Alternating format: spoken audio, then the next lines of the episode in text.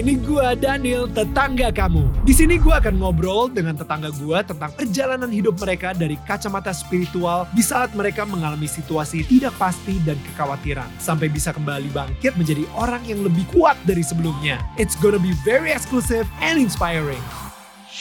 Hai semua tetangga-tetangga gue masih ngobrol sama Ferry Nuril tetangga kita di Daniel tetangga kamu. Guys, jika kalian hanya pengen mendengarkan versi audionya kita aja, langsung search Daniel tetangga kamu dan kita sudah ada di semua platform podcast kesayangan kalian.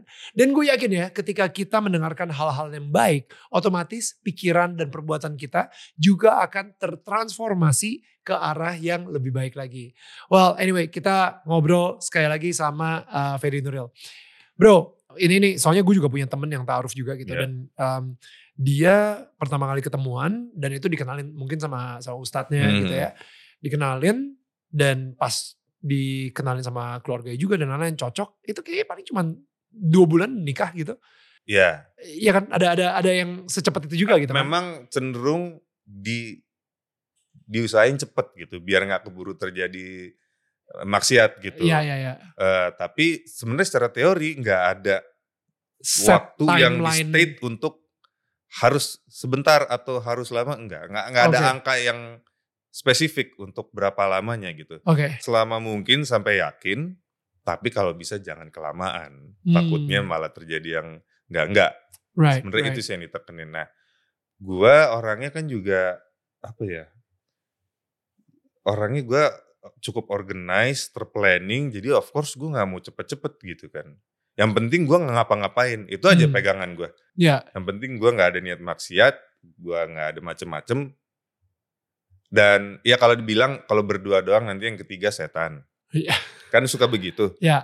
Tapi ya enggak, lo berdua, dosa itu baru dihitung kalau emang lo maksiat. Tapi berdua doang lo, udah- lo belum berdosa gitu. Hmm. Ya. Tapi ya. hati-hati bisa jadi dosa. Nah gue saat itu saking eh, kayaknya udah kuatnya nih, gue Hmm. mau settling down, ya gue kuat Ya. eh, untuk nggak ngelakuin maksiat. Jadi Hmm. makanya gue taking my time banget. Hmm, dua tahun bro, hampir dua tahun ya itu ya, Se- enam bulan tambah setahun taaruf. Iya. Eh, jadi kayak hampir hampir dua tahunan gitu. Iya. Eh, Godaan terbesar untuk putus ada nggak? Nggak. Eh, Come on, it's, Gue it's two putus years. untuk bubar taruh. Bubar? Nggak Wow. ada. Makin yakin, makin yakin. Karena gini, eh ini, ini waktunya untuk eh, pertama tuh nyokap gue dulu waktu gue masih pacaran ke pacar-pacar gue tuh untuk bisa deket butuh waktu lama banget Hmm, gitu. Em, jadi gue mempersiapkan diri sama Fani ini mungkin lebih lama lagi ya karena istri kan, Ya. sama pacar aja lama nih Ya. butuh waktu untuk bisa akrab. Wah ini kalau kalau untuk istri nih mungkin lebih lama lagi nyokap ya gitu. hmm, Sampai akhirnya, mah mama udah waktunya ketemu nih. Nanti kalau mama ketemu, tanya apa aja lah ke Fani. Pertama kali ketemu berarti setelah lu kenalan sama Fanny berapa lama? Lupa gue tapi cukup masih di awal-awal lah. Kalau misalnya gue taruh Fan setahun mungkin tiga bulan itu Oke, gitu. Oke. Karena masih mengutamakan gue dan Fani dulu sih. Right, gitu right. kan. oke, Kalau kalau sebelum ketemu nyokap gue udah ngasrek ya ngapain gue pertemukan kan. Right. Nah menurut gue udah waktunya. Terus gue bilang mama nanti ketemu Fani tanya apa aja lah yang yang mama mau tahu soal dia gitu. Ya. Nanya apa? Ya apa aja. Nyokap gue malah bingung gitu. Ini kan mau jadi istri mah jadi tanya aja lah gitu. ya, ya. Oke. Tapi kelihatan mukanya masih mikir gue mau nanya apa ya gitu. Akhirnya ketemu nih kita dinner bertiga. Itu berasa banget masih awkward. awkward, Abis. kaku. Ya, ya, ya. Terus gue juga bingung juga ya, karena ini kan pertama kali eh gue Pak Aruf juga kan. Ya, ya. Oke ini gimana ya? Akhirnya yaudah apa eh, kita ke sana dulu ya. Ke sana tuh gue ini apa eh, kebiasaan Oh. buruk gue ngerokok. Oke. habis habis makan. ya kita itu maksudnya lu ya. Lu, Gua ya, lu, lu ya, ke sana eh, dulu kita. eh, Aku ke sana dulu ya. Eh, jadi basically cuman eh, cuman Fanny sama Jadi gue bikin lu. lah berdua. Ah. Gitu. Mungkin mungkin gak enak ada gue ya. Gue asumsi gue kenapa kaku. Akhirnya gue cabut dulu. Eh, ya, sebatang dua batang. Pas balik udah udah cair. Oke. Wow. Wow, nih menarik nih. Jadi ngobrol sesuatu tadi. Tar aja kalau Ya. udah bubar. Wih, tapi Wow. senyumnya positif lah, enak Hmm, gitu ngeliatnya. Oh ya udah terus makin cair gitu segala Wow. macam. gue gue malah pengen buru-buru bubar karena gue mau tahu ngomongin apa kan Iya, iya, iya. Ya. udah udah udah pulang ya pulang ya pulang Ya, ya Fani pulang gue pulang sama nyokap nanya, Langsung interview nyokap. Mah, "Ah, ngomong apa sih mama tuh beneran bingung tadi mau nanya apa ya akhirnya yang kepikiran sama mama cuma nanya Fani kenapa mau sama Fedi gitu Hmm. Ya sejauh ini saya deket kayaknya Fedi tuh benar-benar serius ingin berumah tangga tante. Eh, memang mau ngebangun keluarga dan dia serius. Saya saya meyakini keseriusan dia sih gitu. Hmm. keseriusan Fedi itu membuat saya optimis sama dia. Oke kalau buat tante cuma satu. Kamu tahu kan Fedi ini aktor. Dia kerja di entertainment. Yang kadang naik turun. Hmm. kamu siap nemenin dia saat dia lagi di bawah gitu. Hmm. Dan nggak ninggalin dia? Jawabannya siap tante. Dan menurut nyokap gue jawaban siapnya juga tulus Hmm. gitu. Oke. Terus apa lagi? Udah itu doang. Itu doang. Wah emang, sampai gue mikir emang beda ya kalau niatnya Oh, wow. nikah ya nyari istri dibanding pacaran. Di pacaran mungkin nggak dianggap lah ini apa sih pacaran doang gitu. Iya, ini iya. kok as simple as that gitu. Wow. Jadi kayak dan buat gue kalau nyokap ngerestuin ngapain udah. Iya. Menurut gue harus berestu banget tuh penting Wow. banget gitu. Kalau nggak buat apa gitu kan. Hmm. eh habis itu nextnya gue ke orang tuanya Fanny kan. Hmm. Gitu. Mereka di luar kota. Jadi by saya mesti datang ke kotanya apa by phone aja. Hmm. Dengan jawaban mereka, udah by phone aja lah ngapain ribet. Serius. Aduh, Ini feeling gue udah enak dong. Wow. Oke, gue udah siap berangkat nih padahal ke Jogja gitu kan. Wow. Serius om tante? Nggak udah nggak usah nggak usah repot-repot by phone aja. wow. Oke gitu kan. Em, Ini ini eh Fedi Nuril yang peranin poligami itu kan, dia kayak cinta kan, gitu kan, ya kan, yang eh, duta poligami Indonesia itu kan. iya udah by phone aja. oh enggak enggak. Enggak. Wait, duta poligami belum nempel. Belum, tapi ayat-ayat cintanya udah nempel. Ayat ayat cinta Iya. itu. Eh, karena abis itu surga yang tadi rindukan yang bikin nempel lagi. Dan itu setelah nikah baru rilis. Oh, Ya iya. ya. Nah udah gitu akhirnya gue bener by phone. Gue gue bilang ke mereka, om tante, om tante boleh nanya apa pun. Saya akan jawab sejujurnya. Tapi tolong kalau ada jawaban yang gak enak, tolong rahasiakan dari ibu saya gitu. Kenapa? Ya beda ya kalau ibu eh, ibu kandung om tante kalau om tante menilai saya ternyata ah ini nggak bener nih cowok Hmm.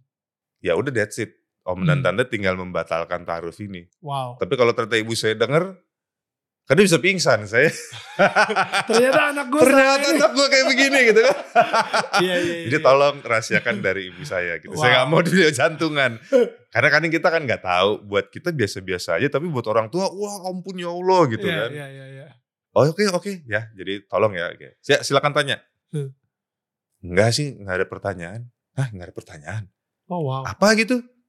Enggak saya yakin sama kamu kamu kamu baik buat Fani. Come on. Tapi ini berdas ini jawabannya bukan berdasarkan film saya kan. itu penting untuk gue Iya, tekenin iya, karena iya, iya. memang bisa banyak kalau orang terpengaruh dari karakter di film kan. Betul. Lo bisa cinta banget sama nih karakter atau lo bahkan bisa sebel banget Sebel ketemu di jalan lo maki gitu kan. Lempar sendal. Iya gitu. Iya. Jadi itu penting buat gua tekankan gitu. Hmm. Eh, bukan karena di film saya kan. Ya tante sih tahu kamu pemain film tapi tante juga nggak sering nonton sih. Hmm. Oh gitu oke oke. Jadi nggak saya yakin lah dari niat kamu nih kayaknya kamu emang mau bener kok. Mau Wow. menjadi, jadi oke udah lanjut. Dan mereka percaya lu bisa ngejaga putri mereka Iya, gitu. yang kalau di-. Dipikir-pikir agak nekat sih sebenarnya. banget Agak nekat lu bener-bener nggak apa nggak kita percaya udah that's it. gila. gitu kan ini nekat sih sebenarnya kalau dilihat dari orang luar mungkin ya Iya. semudah itu lo iyain ya gitu Iya, kan iya, iya. tapi ya di situ gue juga balik lagi eh, yakin karena kan selama proses taruh ini gue juga ngamalin semua yang bisa gue amalin ya zikir sholat sunnah segala macam Hmm. itu gue jalanin karena gue bener-bener mau masuk rumah tangga ini tuh eh, bener lah gitu sesuai sesuai Wow. agama lah gitu Se- segitunya gue mau wow. gue mau bener-bener rumah tangga gue ini diberkahi jadi eh hidup gue tenang Wow. itu yang gue cari ketenangan itu yang gue Ya. cari gitu Ya. nah dan apa eh mungkin itu juga yang bikin semuanya dilancarin gitu loh Hmm. akhirnya terus jalan akhirnya mulailah eh, planning the wedding kan gitu Hmm. tapi yang menarik adalah ini juga bukti ya Mhm. bukti kalau lo mau melecehkan bener-bener bukan masalah baju it's about self control kenapa gue ceritain ini maksudnya gimana Hmm. menjelang mau nikah Fanny kan udah berjilbab ya Hmm. tiba-tiba gue melihat dia tuh kayak dia dia melakukan sebuah gerakan yang turning me turn me on Hmm. padahal it's not a sexy pose Ya, dia dia udah hijaban dan udah dia, hijaban dia right. kayak mau ngambil barang terus gue ngeliatnya kayak pengen gue tarik nih jilbab lo terus gue kayak tapi kan bentar lagi ya Wow. wow ini ternyata emang yang namanya setan nih Oh, rese banget ya Wow. wow. kalau lo pikir dia udah tertutup kok bisa ya di sini yang gue Kenapa juga lu masih bisa belajar nafsu gitu? Ya. ada nafsu gitu Ya, ya, ya, ya. Wow. jadi kayak memang bukan masalah baju itu Iya, iya. pelecehan itu ya self control lo gitu lo Sebenarnya nggak dari bisa self control Right. Wow. karena dia udah berjilbab benar-benar udah tertutup banget, tapi Oke. gerakannya itu dan padahal sebentar lagi lu bakal menikah bakal dan nikah sah, Sah. tapi ada ada ada kayak godaan "Eh, kan bentar lagi sah anyway. ya udah colek aja Iya. yang yang nggak gue pegang sama Selama sekali dua tahun padahal lu nggak Iya, itu- tapi iya. jadi kayak wah Wow. ini ini dahsyat sih jadi eh, jadi mungkin jadinya saat udah fix kita akan nikah tetap ada momen kita berdua aja sih karena yang nemenin itu juga punya kesibukan masing-masing gitu Right. Eh, apalagi buat ngurusin undangan lah ketemu catering dan segala macam ada momen mau nggak mau kita berdua aja gitu Iya. nah yang kayak gitu yang ternyata bisa muncul itu gitu Wow. tapi gue bener-bener gue harus kuat gue harus kuat Wow. Eh, bilang juga ke, pembi- ke pembimbing gue kan, eh, ternyata itu setan emang rese, ya dia masih bisa jilip, ya iya, kuat nggak? Ya harus kuat lah, dikit lagi mau nikah masa Iya. keburu kejadian apa-apa gitu kan. Gila ya, itu kayak lu hampir kalah di sebelum garis finish Injury line. time gitu. Iya. iya. Ah Gitu. gila. Oke Iya. oke oke. Oke. Dan dan ini menarik banget. Gue gue gue kadang-kadang suka penasaran gitu. Apakah ketika kita membayangkan sesuatu yang kotor, Iya. itu kita udah berbuat dosa? Gue nggak tahu ya. Ini nih. oh ini, iya iya. Kalau gue percayanya eh kita nggak berdosa sampai akhirnya kita melakukannya. Beraksi. ya. Karena ketika ketika kita digoda gitu segala normal sebagai seorang laki-laki atau bahkan manusia lah ya mempunyai image-image tuh yang what kok gue bisa mikirnya sekotor Iya, itu. iya, iya. Nah padahal itu sebenarnya godaan setan kan. Iya. Jadi in a way kecuali kalau misalnya dari pikiran kotor tersebut akhirnya kita you know what ah udahlah gue lakuin gak ada salahnya gue bisa handle ini kok dan akhirnya dilakuin nah itu dosa gitu Iya, cuman kalau misalnya lu nggak nggak ngelakuin menurut gue itu belum dosa loh justru bener yang lu bilang Iya. self control gitu Self control. Ya Hmm. kalau yang gue belajar di Islam pun sama, kalau baru di pikiran belum dosa kok. hmm. Ini ada pikiran nih dan udah ada hasrat buat beraksi dan Hmm. gak jadi Hmm. malah dapat pahala. Dengan lo Wow. meng-cancel itu dapat pahala gitu. wow so good ya Jadi eh, ya memang dan gue sekarang udah makin milah sih. Kalau baru di kepala lo, Hmm. that's you. Ya. Tapi saat lo udah mau mulai bertindak, bisa dibilang itu setan. Karena gue Hmm. kadang juga suka kasihan sih setan kena fitnah mulu. Godaan setan nih, padahal si setan lagi apa gue lagi lagi nangkring, gue lagi yang kena it's Ngegoda. you man gitu. ngegoda lo aja belum iya, gue baru mikir gimana cara godain dia, ya lo udah gerak duluan gitu loh. Gue tuh, gue juga makin misah, kayak jangan gampang nuduh setan, it's you man. Jangan setan mulu lo salahin gitu kan. Nah, ya, ya ya, gue ya. ngebedain gitu sekarang. Nah sampai akhirnya, ya alhamdulillah kita menikah dan bener-bener gue megang tangannya pertama kali itu abis ijab kabul, abis sah sah sah gitu. Wow, wow. Um, gue ya obviously lu nggak tahu perbandingannya antara kalau misalnya pacaran dan nikah Ya. sama taaruf sama nikah gitu kan. Ya. Um, tapi sekarang ini setelah setelah lu nikah dengan apa ya berserah sama Tuhan gitu ya dua-duanya lagi ya I think I think Fanny pun juga karena emang udah udah setuju untuk taaruf sama lu juga gitu Iya, iya. iya. Em, kehidupan pernikahan lo itu seperti apa? Apakah dimudahkan semudah kayak pas masa pacaran sampai akhirnya menikah atau ada challenge-challenge juga dan bagaimana lu menghadapi challenge tersebut gitu di sebuah Oh pernikahan? iya iya. Uh, ada challenge-nya yang ternyata setelah gue pelajarin lagi dialami sama semua pasangan yang menikah yang disebutnya honeymoon phase is over. Wow, wow, so good. Yes, yes.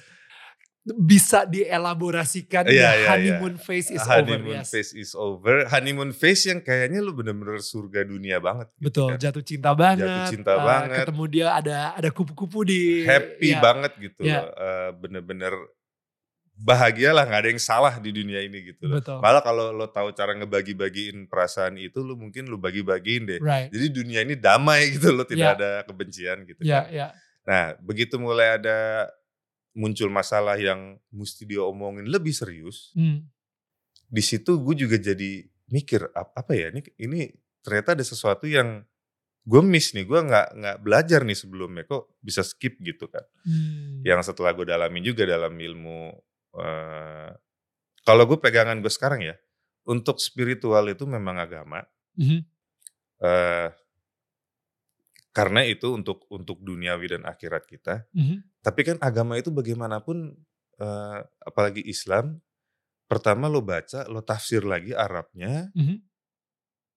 dan lo juga harus mikir dulu, kira-kira bener nggak ya tafsir ini gitu. Hmm. Intinya itu lebih lebih kompleks. Mhm.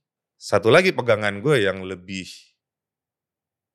realis gitu ya, atau mungkin lebih bisa dibuktikan secara sains itu psikologi. Hmm. gitu yang di situ gue belajar kayak misalnya di agama apa bersikap mesrahlah dengan istrimu segala macem psikologi itu ngejelasin detail kayak bersikap mesra kepada istri itu seperti apa sih makanya ada istilah love language Hmm. Ya. nah itu Ya. itu tuh sekarang gue lagi menggabungkan itu sih Hmm. nah jadi di saat mulai ada masalah yang menurut gue ini kok perlu dis, perlu obrolan yang lebih dalam lebih serius di situ gue baru ngerti oh ini ternyata ada honeymoon phase is over gitu Hmm. dan di mana memang eh, challenge untuk mempertahankan rumah tangga ke depannya itu itu ya itulah dimulainya gitu Ya. jadinya ya gue belajar komunikasi dengan pasangan tuh kayak gimana Eh, kalau ada bahkan kayak kalau lagi ada masalah kapan ngomonginnya ad- kapan waktu untuk ngebahasnya aja ternyata ada Hmm. Nggak langsung nggak juga. langsung gitu Hmm. kapan ngomongnya, cara nyusun kalimatnya gimana. Ternyata Hmm. oh ini ada juga yang kayak gini-gini yang sebelumnya gue nggak tahu gitu. Nah, jadi eh, sekarang ya itu gue ngegabungkan agama dan psikologi sih. Dan That's menurut gue nggak bertentangan. Uh, again ya karena mungkin kita berdua nih suka bereksperimentasi dengan prinsip-prinsipnya Tuhan gitu. Yes. Maksudnya, uh, well, apa yang gue maksud? Kan ada beberapa orang ketika ngelihat sebuah aturan atau sebuah prinsip di uh, kitab sucinya gitu ya, di Quran atau di uh, Alkitab, itu um, mereka bilang, alah ini mah berlaku untuk berapa ribu tahun yang lalu Ya, ya, gitu ya, kan. ya, karena ya. ya emang zaman itu gitu diperluinnya udah kuno banget. Tapi gue setuju sama lu di mana men Tuhan itu kompleks banget. Ya, ya, kita ya siapa tahu aja kalau kita terapin prinsip ini ya siapa tahu aja it Siapa works for us iya, gitu. benar, benar, siapa tahu aja gitu.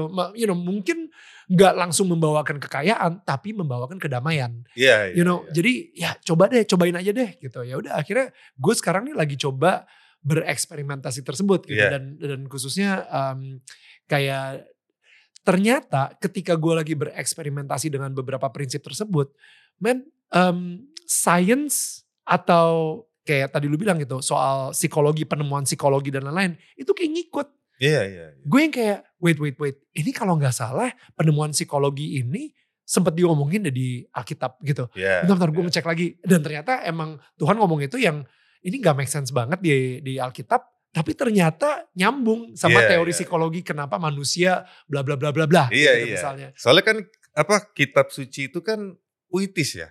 Hmm, Perlu perlu effort untuk benar-benar Ditafsirkan mengubahnya tadi itu. menjadi sederhana dan mudah dimengerti. betul Sedangkan sains itu sebenarnya membantu untuk membuat dia jadi lebih di- bisa dimengerti gitu. Hmm, Nggak puitis, hmm, exact, empirik gitu. Jadi Hmm. eh ya jadi Ya. bisa bisa jalan beriringan sih menurut gua. hmm. gue em, gue penasaran deh. Jadi eh, lu sendiri sama sebagai seorang ayah, Ya. Padahal lu se- lu kehilangan ayah lu ketika lu umur 5 SD. Ya. In a way, anak anak tertua sekarang umur berapa? Anak yang Tujuh paling- tahun. Oh, mau tujuh. Mau Bentar lagi 7 tahun. tujuh tahun, Berarti ya. bentar lagi masuk eh, kelas 2 SD atau 1 SD. Sekarang satu SD. Satu SD. Iya. Nah, um, how do you handle that? Being a Oke, father, oke. padahal um, lu sendiri juga nggak punya bokap gitu Iya, saat iya. itu. Hmm. Jadi menariknya kalau gue pelajari tentang menjadi seorang ayah dan gue melihat eh, para ayah khususnya zaman dulu, bisa dibilang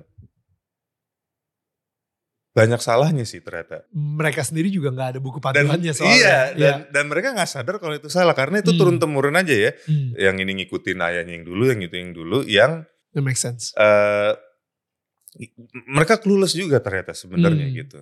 Eh, jadi akhirnya gue berpegangan balik lagi ke agama sama yang ke psikologi. Hmm, Lo sebagai dari agama ya lo ajarkan ilmu-ilmu agama, Mhm. psikologinya ya you have to be there hmm, for your child hmm, dan bener-bener ada di situ nggak pakai gadget nggak pakai apa spend Right. time and everything right.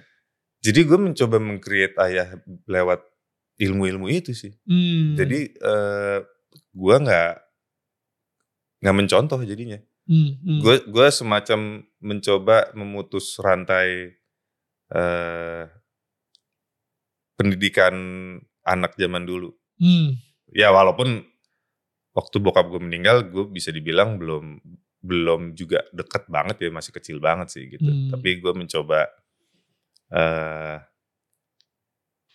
mengcreate ayah itu lewat ilmu-ilmu itu sebagai seorang anak yang apalagi anak bungsu gitu ya Yeah. kayak anak bungsu itu kan lo kayak jadi anak yang spesial banget eh, di mata nyokap lu mungkin ya Hmm. gitu Em, gimana gimana setelah lu menikah Ya.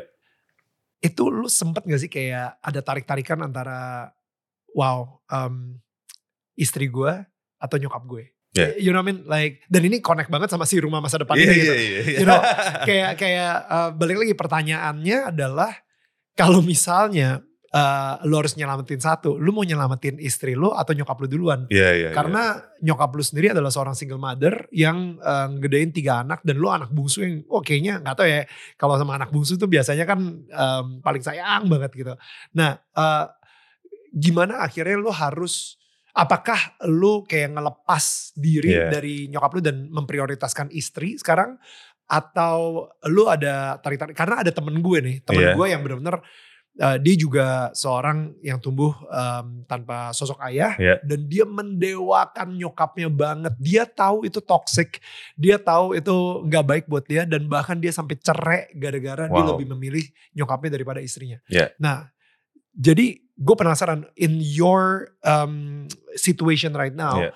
um, apa prinsip yang mungkin atau pemikiran lo yang yang membuat lo dan siapa yang harus lo pilih gitu antara atau nyokap atau istri gitu misalnya. Ya, ya. Dulu juga waktu menjelang nikah sih, gue juga banyak dengar cerita-cerita soal balance ya antara Hmm. oh, ibu dan istri gitu. Yang sebenarnya gue merasa juga ada aneh, kok harus milih ya? Betul. Emang nggak bisa jalan barengan gitu? Gue Hmm. gue memenuhi eh, tanggung jawab gue sebagai anak, tanggung tanggung jawab gue sebagai suami itu barengan. Bisa, memang challenging ya, tapi eh maksudnya alhamdulillah juga nyokap gue cukup bijak untuk kamu udah nikah nanti kamu harus bisa tinggal sendiri. Hmm. Nah itu udah kebantu banget sih Hmm. gitu. Kamu jadi bukan yang disekap, kamu nggak boleh ke mana-mana, kamu harus deket-deket mama. Hmm. Jadi nggak disekap juga sih. Nah, terus eh kita mau pindah dan ternyata memang jarak itu ada bagusnya, Right. ada bagusnya. Bukan- Right. Tapi yang penting tidak sengaja membuat jarak. Hmm. Dalam arti jadi malas ketemu atau gimana Right. gitu. Jarak itu ada bagusnya, tapi tetap ada kes- apa menyempatkan waktu untuk ketemu. Hmm. Ada keintiman. Ada keintiman gitu Right. loh. Tetap tetap hal-hal kecil mungkin sesimpel kayak WhatsApp like how's your day, how you doing gitu-gitu. Itu itu penting banget ternyata. dan ditambah waktu akhirnya anak pertama gue lahir, Hmm. nyokap gue juga seneng banget. eh saking senangnya jadi nyokap yang sering ke rumah gue. gue nggak enak karena tapi nyokap seneng banget gitu. Ya. Jadi ya udah emang flow-nya tuh udah enak banget. Nanti tiap hari ini nyokap akan dateng eh ketemu pengen ketemu, ih sebenarnya lebih pengen ketemu cucu daripada gue sih. Aduh kamu gini gini, ah, kita nggak ditanyain mah maunya apa? Oh iya lupa kamu mau apa? Wah ada udah cucu semua, gitu. Tapi eh, maksudnya gini, gue yakin pasti ada ketidakcocokan antara istri dan nyokap gue ya. Mhm. Eh, cuma gue juga bilang ke Fanny gitu, kalau memang ada yang nggak seret, tinggal cari momen untuk kamu ngomong eh, hati ke hati yang nggak jadi serak apa, yang bikin Hmm. kamu nggak serak tuh apa. Yang penting cara penyampaiannya yang sopan, yang yang rendah hati. Jadi jangan kalau memang apa misalnya ada sesuatu yang nggak serak dan itu muncul emosi marah, redain dulu marahnya, jangan langsung diomongin gitu. Yang yang so far sejauh ini sih sangat membantu. Jadi Maksudnya situasi situasi kayak yang dialami oleh Sukri gitu ya di rumah masa depan Ya. gitu ya, di mana dia um, bener-bener ya gue gak tahu ya karena gue baru ngeliat dari trailer aja Ya. gitu, tapi maksudnya situasi yang dia ngeliat um, nyokapnya, Nyokapnya benci banget sama istrinya gitu Ya, ya kan, ya. jadi itu dan itu bukan terjadinya uh, di film rumah masa depan aja, tapi maksud gue di beberapa rumah tetangga ya kita juga um, orang-orang di rumah tetangganya yang um, mengalami hal tersebut ada juga gitu. iya jadi Kok memang rumah tangga, rumah tangga, sorry, rumah tangga, rumah tangga tetangga kita. rumah gitu. tangga tetangga kita. Oh ya itu tongue Iya. twister tuh. Iya. Iya jadi memang itu semacam menggambarkan situasi yang cukup relate di orang antara ibu atau istri ya. Exactly dan maksudnya akhirnya apakah gue harus cerai sama istri gue supaya gue bisa tetap berbakti sama ibu gue atau malah gue harus kayak ninggalin ibu gue supaya gue benar-benar bisa fokus sama pernikahan gue yang yang emang Tuhan sudah mengizinkan dan merestui juga nih pernikahan kita gitu. You know, Ya, like ya ngerti ngerti. Ada ada itu kan. Makanya di film ini kita mencoba menginspirasi penonton yang kira-kira lagi pusing dengan keadaan itu, dan and then they know what to do Oke. tanpa menggurui gitu. Right. Jadi kita right. mau share pengalaman, share ilmu um, supaya setidaknya dapat inspirasi lah setelah nonton filmnya. Karena memang eh bingung sih pasti. Dan masalahnya kan mungkin gini, ibu sama istri. Tapi begitu, tapi cowok harus tegas. Hmm. You have to make a decision. Cowok harus di- harus bisa membuat keputusan. Bahkan sampai mau makan di mana aja kita harus mutusin. Hmm. Mau makan di mana? Terserah gitu. Terserah kamu. Ayo udah kita makan ke restoran A deh. Ah, lagi nggak pengen Ah, itu. Klasik banget. Klasik kan. Nah itu jadi kayak oke ini dan dituntut tegas dong yang tegas dong. Gampang bener nyuruh tegas emang nggak pusing misalnya gitu kan. Yang memang pusing tapi sebenarnya nggak harus milih. Hmm. Ada kok caranya supaya bisa bisa akur tapi memang butuh effort, butuh pengorbanan karena untuk mempunyai hubungan yang dalam itu memang berat tapi itu justru yang sangat membahagiakan sih menurut gue Hmm. yang yang membuat hidup lo tuh full full you having a full life gitu Hmm. pengalaman gue bukan soal eh lo lo bisa bisa beli apa yang lo mau atau gaji lo segede apa tapi untuk punya deep connection dan buat gue pribadi gue berada di rumah yang nyaman aman Hmm. itu itu surga dunia sih buat gue Ya. Ya. Ya. ya. everybody get along ya itu Right, right. Dan semuanya tidur dengan rasa damai di hatinya. And I think itu nggak akan pernah bisa dibeli dengan, uh, you know, dengan berapapun duit yang lu punya gitu. Yeah. Dan itu benar-benar harus dibuild dengan relationship terus. Lu harus mupuk investasi ke uh, menjaga hubungan dan terus ya ya bersilaturahmi dan lain-lain sih. I think that's uh, mungkin yang kalau gue bisa mundur dikit salah satu pegangan gue juga waktu menjelang nikah gue nonton TV ada apa eh, marriage consultant Mhm.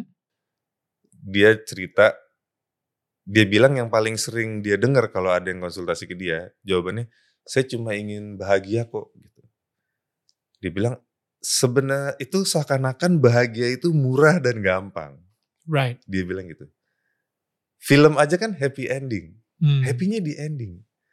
Justru untuk menjadi bahagia itu mahal, yang nggak bisa beli pakai duit, dan butuh kerja keras untuk bisa itu. Ini yang harus dimengerti oleh pasangan-pasangan yang mungkin baru mau nikah atau udah lama tapi kok kayaknya kebahagiaan mulai pudar gitu. Wow. Like, oh, oh iya juga ya. Itu yang miskonsepsi orang. Dia pikir dengan gue nikah ijab kabul, zus, Hmm. bahagia dia udah. Ya. Seterusnya. Ya.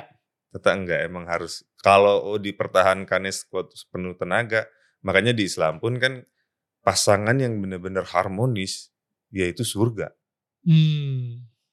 Dan semuanya yang hadiahnya surga, nggak mungkin gampang dapetnya. Wow. You have to work it out. Ya, ya. Dan lo harus benar-benar berjuang untuk Berjuang, itu. Ya, ya. Dan berjuang, berjuang. itu nggak cuma sekedar ya duduk-duduk nyantai-nyantai di kursi bisa. suatu saat uh, dan dan pada saat yang bersamaan hidup lu bahagia. No, Enggak. lu harus Berjuangnya berjuang. tuh bener-bener berjuang men, jiwa dan raga. gitu. Betul. Dan kadang-kadang harus membunuh ego lu sendiri demi uh, apa berkorban untuk memenangkan pernikahannya daripada ego lu gitu misalnya. Iya, itu bener-bener. itu perjuangan yang nggak ada habisnya sih. Iya, itu sih yang jadi Ya. jadi jadi pegangan gua kalau kalau misalnya ada masalah nih, Hmm. oke, oke, gue mau gua gua mau menjaga kebahagiaan ini berarti gua harus kerja keras nih. Wow. Dan gue jadi penasaran bagaimana kerja kerasnya Sukri Nah, di rumah masa depan nanti uh, tanggal 7 Desember 2023 yang Yes. akan uh, gue pengen nonton juga gitu. Iya, Walaupun iya, gue gak ada nggak ada nggak ada masalah sama mertua gue, tapi uh, gue jadi penasaran aja sih kayak uh, gimana seorang Sukrinya ini, um, you know, sebagai seorang suami itu bisa ngehandle dan siapa yang akan dia pilih gitu kan Iya. antara nyokapnya atau dan anak-anaknya ini juga apa sih si Bayu sama Gerhana, Mhm. anak-anaknya ini juga ikut berjuang juga karena kan eh mereka juga nenek kok galak banget sih. Iya, iya. Mereka iya, kan juga penasaran nih kenapa Iya. sih nenek ini Iya. gitu kan. iya. Karena biasanya nenek kan ya kalau gue liat nyokap gue ke cucu gue mah bener-bener udah Iya. cinta banget. Tapi kok Iya. ini nenek ke cucunya juga gitu memperlakukannya sih. juga Ada gitu apa banget ini gitu. gitu wow. kan. Right, guys, uh, again just wanna recommend uh, untuk nonton Rumah Masa Depan nanti uh, tanggal 7 Desember 2023. Tapi Fedi, thank you so much ya, udah menjadi tetangga yang baik, udah, udah mampir. Thank gitu. you for inviting man. Setiap tetangga kita kita selalu ngasih ini ya Wow. sebuah souvenir untuk uh, lu pasang di rumah uh, bersama Fanny juga dan kita filosofinya, well gak usah lu buka sih, tapi sebenarnya ini uh, ada ada lilinnya di belakang ya, cie gitu. Oke. Gitu. Oh, nggak nggak susah kok bukan. Oh ya nggak susah bukanya ya. Nah lilinnya ini nanti eh, lu tinggal masukin Oke. eh, dan ketika ini bercahaya kita berharap rumah lu menjadi terang buat tetangga-tetangga di sekitar lu. Oh, oke. Kayak gitu. Menerangi tetangga exactly. sekitar. Dan ini tetangga saling menyangga, Bukan, bukan menyangga. exactly. Nice. That's it. Oke, nice. tagline-nya udah dibacain langsung sama Fedi. Kita ketemu lagi minggu depan guys. Bye. Bye bye. Thank you so much guys sudah mendengarkan podcast Daniel Tetangga Kamu. Dan jangan lupa di follow podcastnya dan share ke sosial media kalian menggunakan hashtag Daniel Tetangga Kamu. Sebisa mungkin gue akan repost keseruan kalian ketika lagi mendengarkan podcast ini. Kalian juga bisa menyaksikan Daniel Tetangga Kamu setiap hari jam 4 sore waktu Indonesia bagian Barat di channel YouTube Daniel Mananta Network. Karena setiap minggunya akan ada sosok-sosok inspiratif yang akan menceritakan perjalanan hidup mereka dan hubungan mereka dengan Tuhan. Sampai ketemu minggu depan.